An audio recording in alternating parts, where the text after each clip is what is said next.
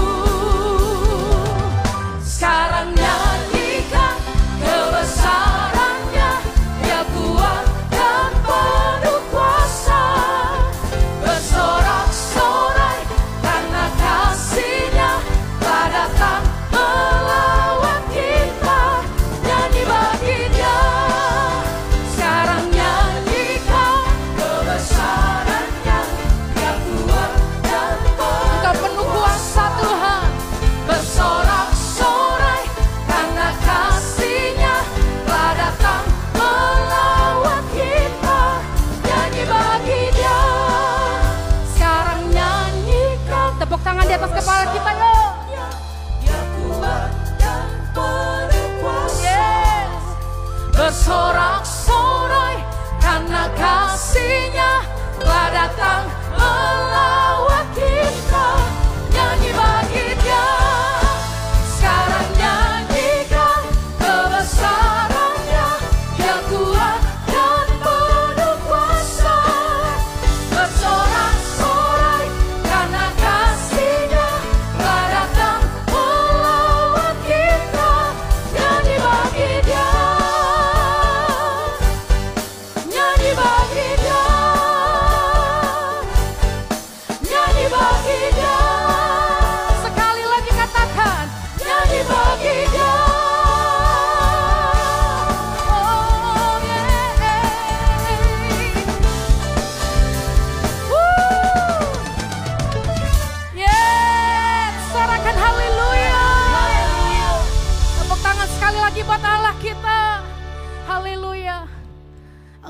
ajaib Tuhan. Terima kasih ya Tuhan. Buat pagi hari ini. Semua karena kemurahan-Mu ya Tuhan. Semua karena kebaikan-Mu bagi hidup kami. Silakan duduk kembali, ibu-ibu dalam hadirat Tuhan. Engkaulah sumber sukacita kami ya Tuhan. Pagi hari ini kami mengangkat tangan kami di hadapan Tuhan. Kami mau katakan Engkaulah segalanya bagi hidup kami Tuhan Yesus satu-satunya yang kami perlukan dalam hidup kami. Sumber sukacita kami. Terima kasih ya Tuhan. Yesus sukacitaku. Yesus kekuatanku. Penolong dalam kesedihan kau sangat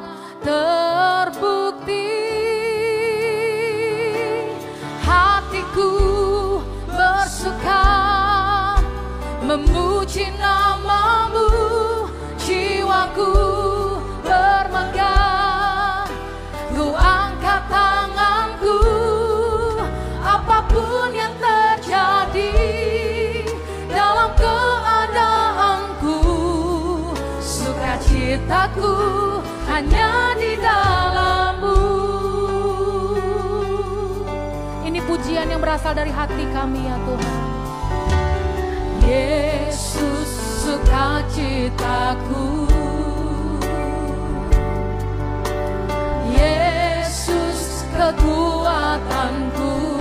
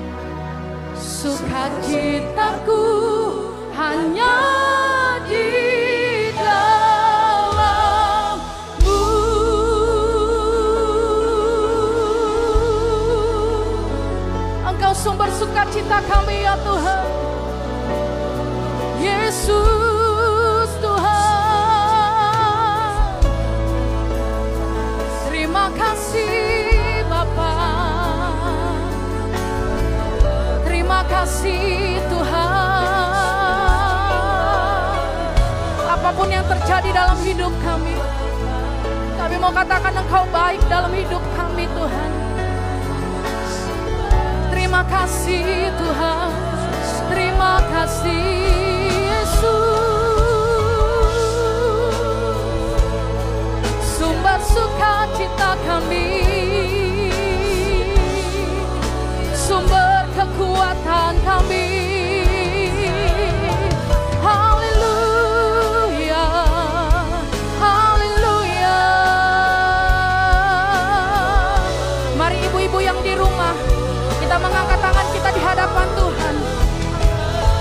Sembah Tuhan Yesus.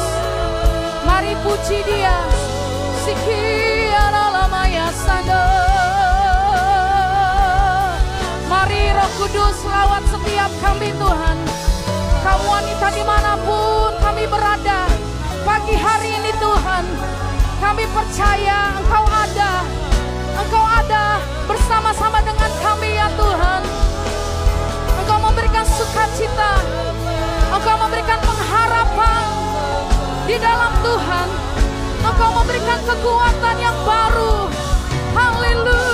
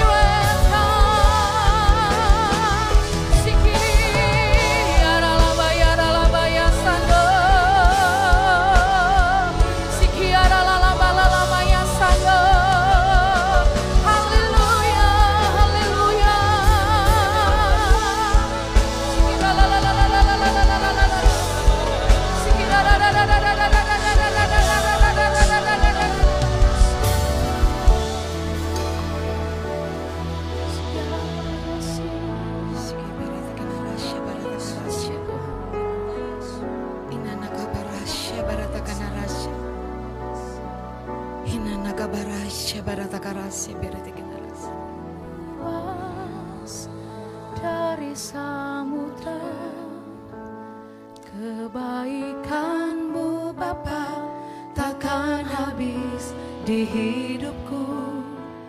Lebih tinggi dari cakrawala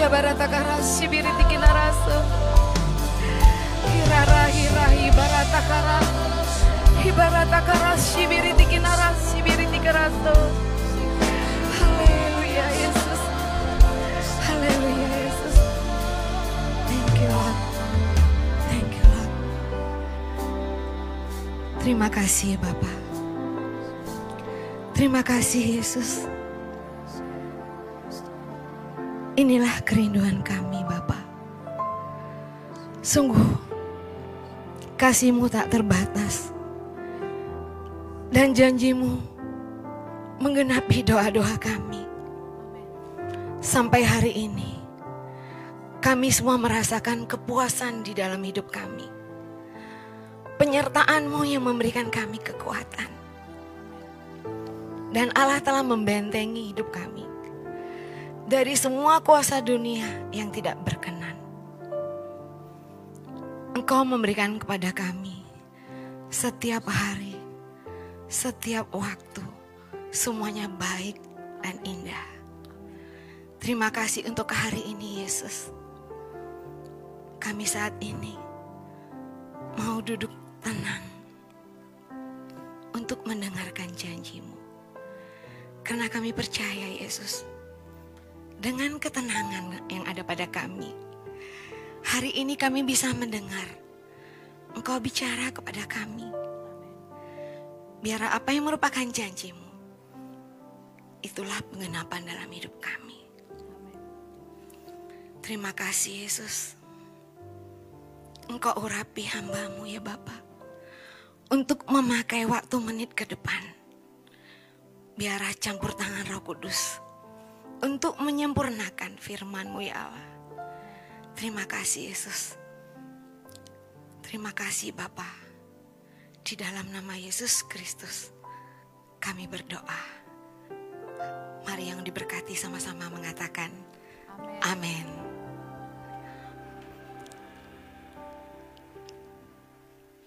Shalom umat Tuhan yang dikasihin Tuhan khususnya buat hari ini, buat wanita kaum ibu Betel Indonesia, wanita yang kokoh, wanita yang tangguh di dalam Tuhan. Walaupun kita sama-sama dalam beberapa bulan ini melewatin keadaan situasi yang prihatin, kita mendengar ada yang mengalami bagaimana adanya wabah virus COVID-19. Tapi saya percaya, jangan pernah setiap waktu, setiap hari kita terus berfokus terhadap virus yang saat ini mengganggu pikiran. Memang boleh-boleh saja kita tetap memakai hikmat kita. Bagaimana kita harus mencegah menjauhi virus itu.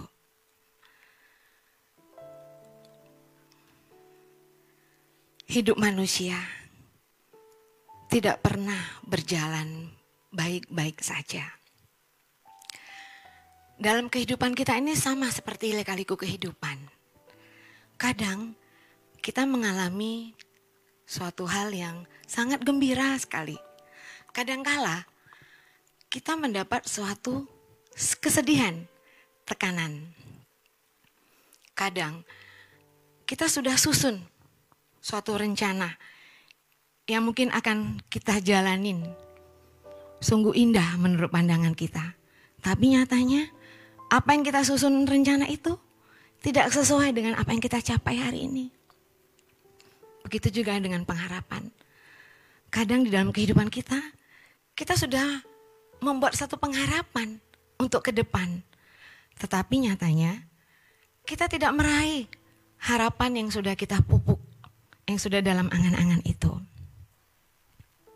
Kita sebagai orang Kristen yang percaya kepada Yesus Kristus tidak patut untuk hidup merasakan lagi hal-hal yang khawatir, hal-hal yang resah,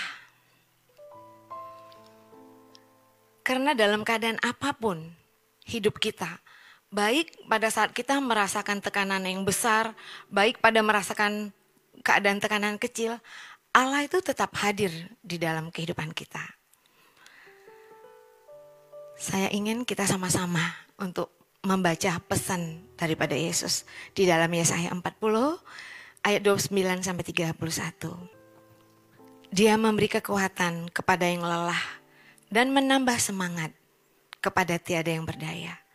Orang-orang muda menjadi lelah dan lesu dan teruna-teruna jatuh tersandung. Tetapi orang-orang yang menantikan Tuhan mendapat kekuatan baru. Mereka seumpama Raja Wali yang naik terbang dengan kekuatan sayapnya. Mereka berlari dan tidak menjadi lesu. Mereka berjalan dan tidak menjadi lelah. Karena tidak ada penghiburan yang lebih baik dibandingkan penghiburan yang datangnya dari Tuhan. Tuhanlah sumber satu-satunya tempat penghiburan dan pengharapan yang sejati bagi semua umat yang percaya kepada Yesus. Allah juga memberikan damai sejahtera kepada kita. Suatu damai sejahtera yang diberikan Allah yang tidak ada satupun dunia yang bisa merampasnya. Karena damai sejahtera yang diberikan Allah itu bersifat abadi.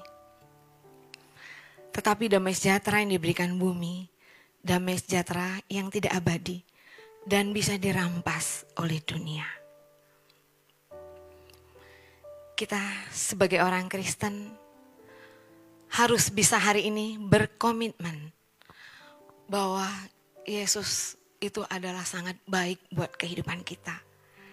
Jadi kita harus benar-benar lebih baik dan mengasihi Yesus Kristus.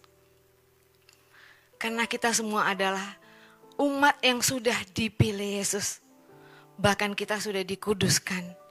Dan hidup kita sudah diberikan suatu rancangan, suatu ketetapan rancangan yang indah, suatu ketetapan rancangan keselamatan. Dalam mengalami situasi saat ini, beberapa bulan ini, keadaan yang mengganggu lingkungan sampai bangsa dan negara, adanya virus COVID-19 yang akhirnya khususnya kaum ibu masih dapat meluangkan waktunya banyak di rumah. Segala aktivitas banyak dilakukan di rumah. Yang biasanya mungkin aktivitas banyak keluar rumah, tapi akhir-akhir bulan ini banyak di dalam rumah dilakukan. Saya melihat dan mendengar ada banyak ibu-ibu jadinya menggali menggali suatu keterampilan dengan keadaan situasi yang kita diberikan waktu banyak diam di tempat. Yang tadinya tidak bisa memasak. Karena waktu banyak diam di rumah, akhirnya belajar masak, bisa memasak. Saya sendiri yang tadinya tidak bisa buat kue. Karena waktu saya akhirnya banyak di rumah, saya belajar untuk membuat makanan akhirnya sampai hari ini saya menambah kreativitas saya dengan situasi seperti ini. Saya bisa banyak belajar masakan, bahkan apa yang saya masak, suami saya bilang, ih semuanya enak masak kue saya. Tapi itu kata suami saya. Amin saudara-saudara yang dikasih Allah. Saya percaya ibu-ibu semua yang ada di sini, juga yang ibu-ibu yang ada di rumah, semuanya mungkin lebih sempurna. Yang tadinya bisa masak kue hanya dua macam, sekarang sudah bisa masak kue macam-macam. Amin saudara-saudara yang dikasih Tuhan. Jangan pernah kita berfokus terhadap masalah yang kita alami dalam beberapa bulan ini. Fokusnya terhadap mendengar, melihat bagaimana ya. Bahkan kadang-kadang ibu-ibu bangun tidur saya doa, yang dilihat berita sudah sampai mana virus COVID-19 ini merajalela. Bahkan pernah beberapa bulan lalu teman saya telepon saya bahwa yang kena virus COVID-19 sudah ada di kompleks Budi. Jadi semuanya pada nelfon saya, awas, hati-hati, sudah ada di kompleksnya Budi. Sekali lagi memang kita belajar, tetap memakai hikmat. Itu boleh-boleh saja. Tapi jangan pernah berfokus pikiran kita terhadap satu titik perkara atau masalah. Allah mau dalam hidup kita jadikan hidup kita adalah buah bagaimana buah ini juga bisa dinikmati setiap orang. Saya ambil tokoh Paulus. Bagaimana Paulus seorang pahlawan yang benar-benar mengambil sikap hidupnya. Mari kita baca yang disampaikan dan ditulis Paulus pesan buat kita semua di dalam Filipi 3 ayat 13. Saudara-saudara, aku sendiri tidak menganggap bahwa aku telah menangkapnya. Tetapi ini yang kulakukan. Aku melupakan apa yang telah di belakangku dan mengarahkan diri kepada apa yang di hadapanku. Paulus mengajak kita bagaimana kita jangan pernah memandang apa yang di belakang kita. Paulus mengajak kita, jangan pernah memandang kelemahan kita, kegagalan yang pernah kita alamin. Karena kalau kita mau maju, letakkan hidup kita ke depan. Kita lihat toko Paulus bagaimana masa hidupnya. Dia mengkreativitaskan talenta yang diberikan Allah kepadanya. Luar biasa Paulus. Paulus mengembangkan talentanya dengan membuat tenda dari bulu domba. Dan pada malam hari, Paulus juga menyempatkan diri untuk memberikan firman. Di mana Paulus mengajarkan tekad di dalam hidup kita.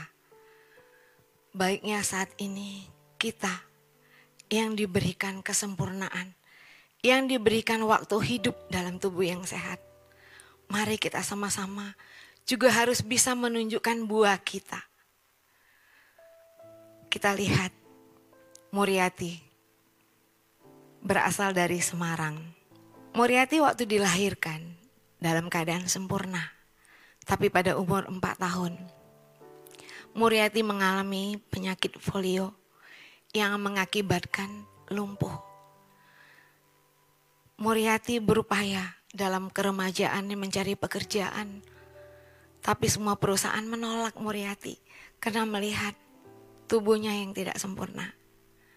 Tapi pada waktu itu, Muria, Muriati mau menunjukkan bahwa hidupnya itu benar-benar bisa berarti di tengah-tengah masyarakat. Muriati mengambil hikmat Tuhan ia mencari kain perca di garmen dekat rumahnya. Ia belajar menjahit. Belajar menjahit, dia membuat keset kaki. Lama-kelamaan, keset kaki yang dibuatnya itu banyak yang menyenangin. Yang tadinya Moriati tidak mempunyai staf pekerja, karena akhirnya banyak digemarin, akhirnya Moriati bisa membuka home industry sendiri sehingga bisa memperkerjakan beberapa staf.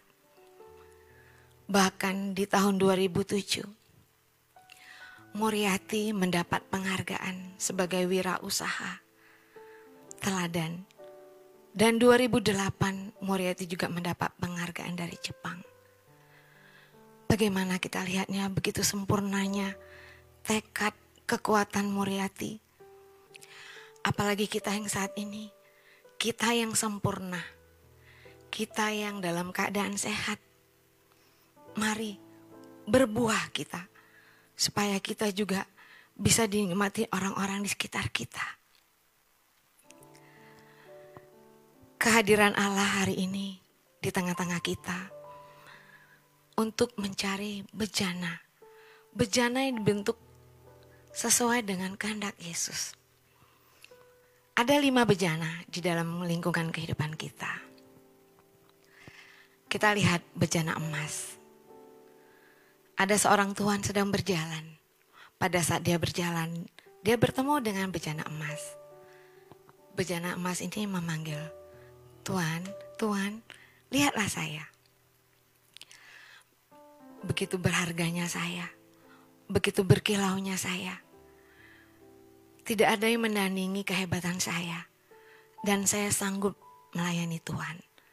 Tapi Tuhan ini hanya mendengar dan meninggalkan bejana emas ini.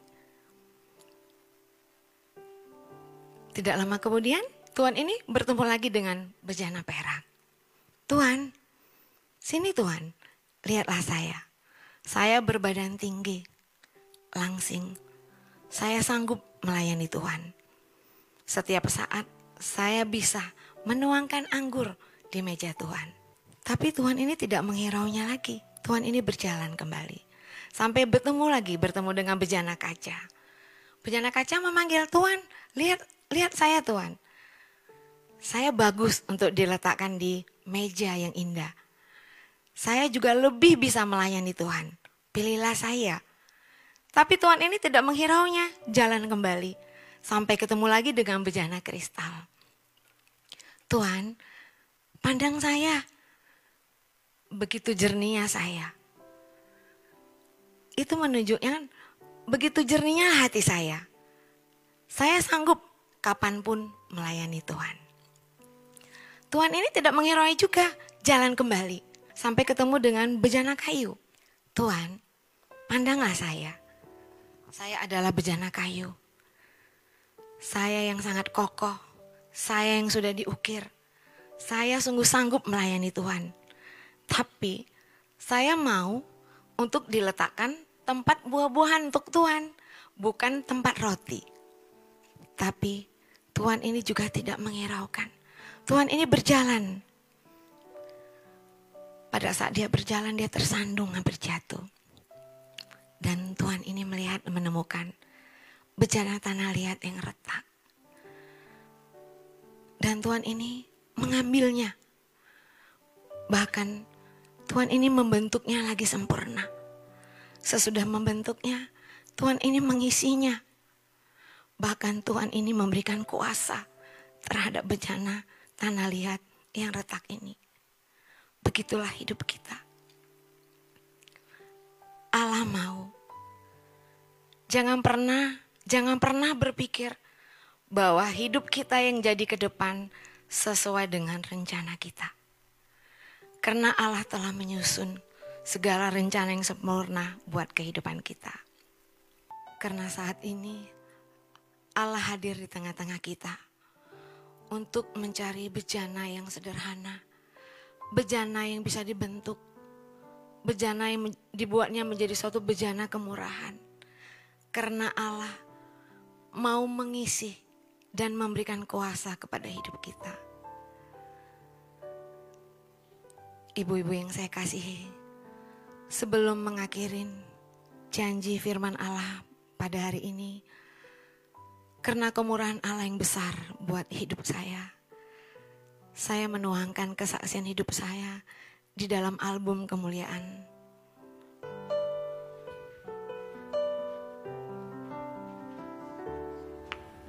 Saat ku melihat semua karyamu di dalam hidupku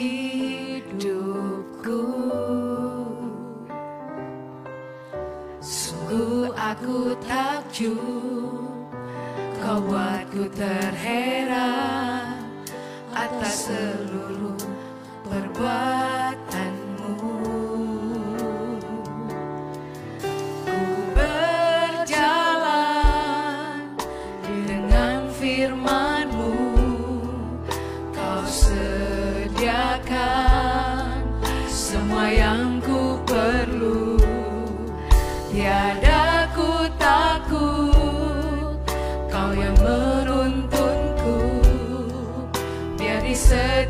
dalam waktu. Ku mau berharap pada janjimu.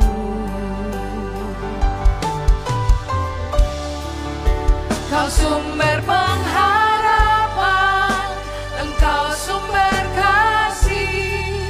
Ku mau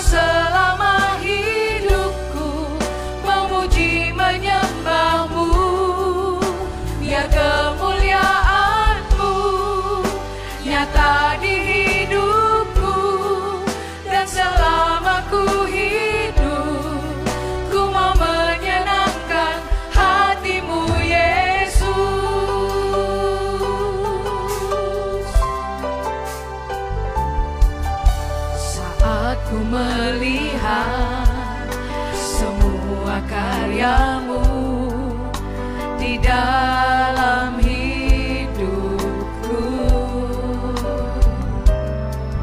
Sungguh aku takjub kau buatku terheran atas seluruh perbuatan.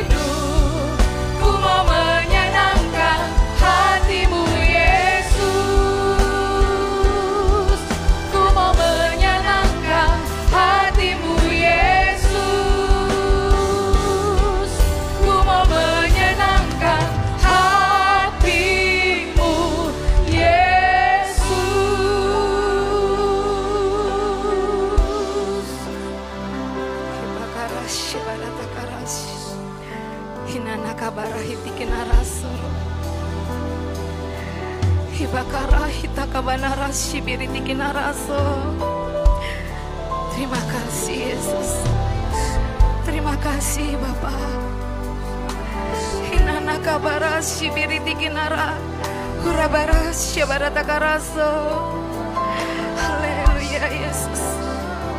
Terima kasih Yesus.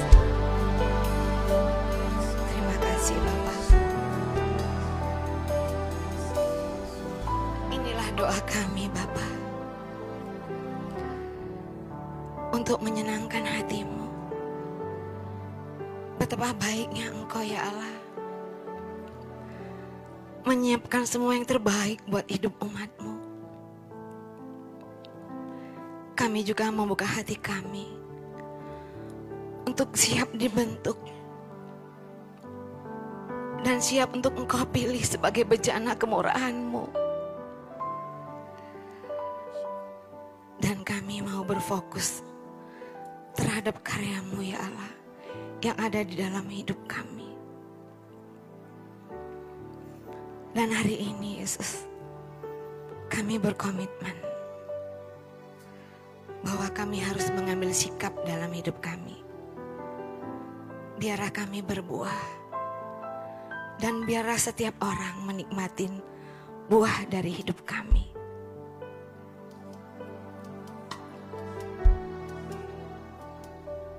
Terima kasih Bapak untuk kaum ibu ya Bapak. Bentuklah hati kami menjadi hati yang tenang, menjadi hati yang kokoh, supaya kami membangun rumah kami gagah perkasa. Kami percaya bila rumah yang kami bangun dengan kegagahan, tidak ada satupun yang bisa meruntuhkannya.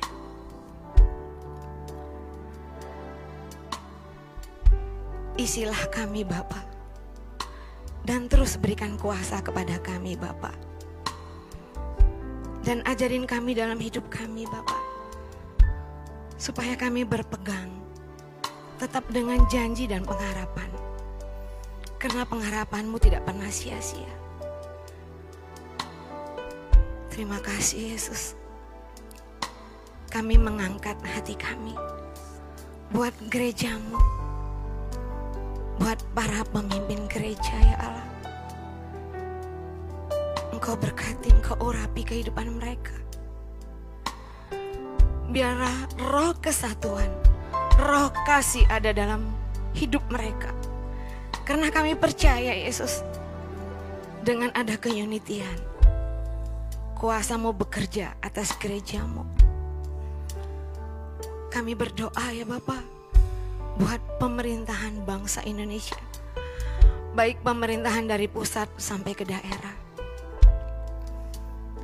Biarlah damai sentosa ada di pemerintahan bangsa Indonesia. Ketenangan, kedamaian ada pada bangsa Indonesia. Terima kasih untuk hari-hari ke depan kami Bapak.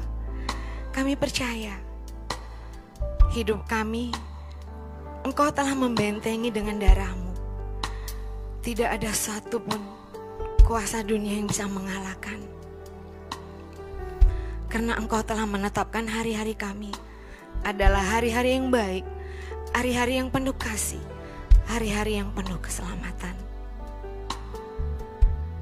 Saat ini Yesus, sebelum kami mengakhiri ibadah hari ini, kami membuka hati kami dan kami juga rindu untuk menerima berkat yang datangnya darimu Bapak.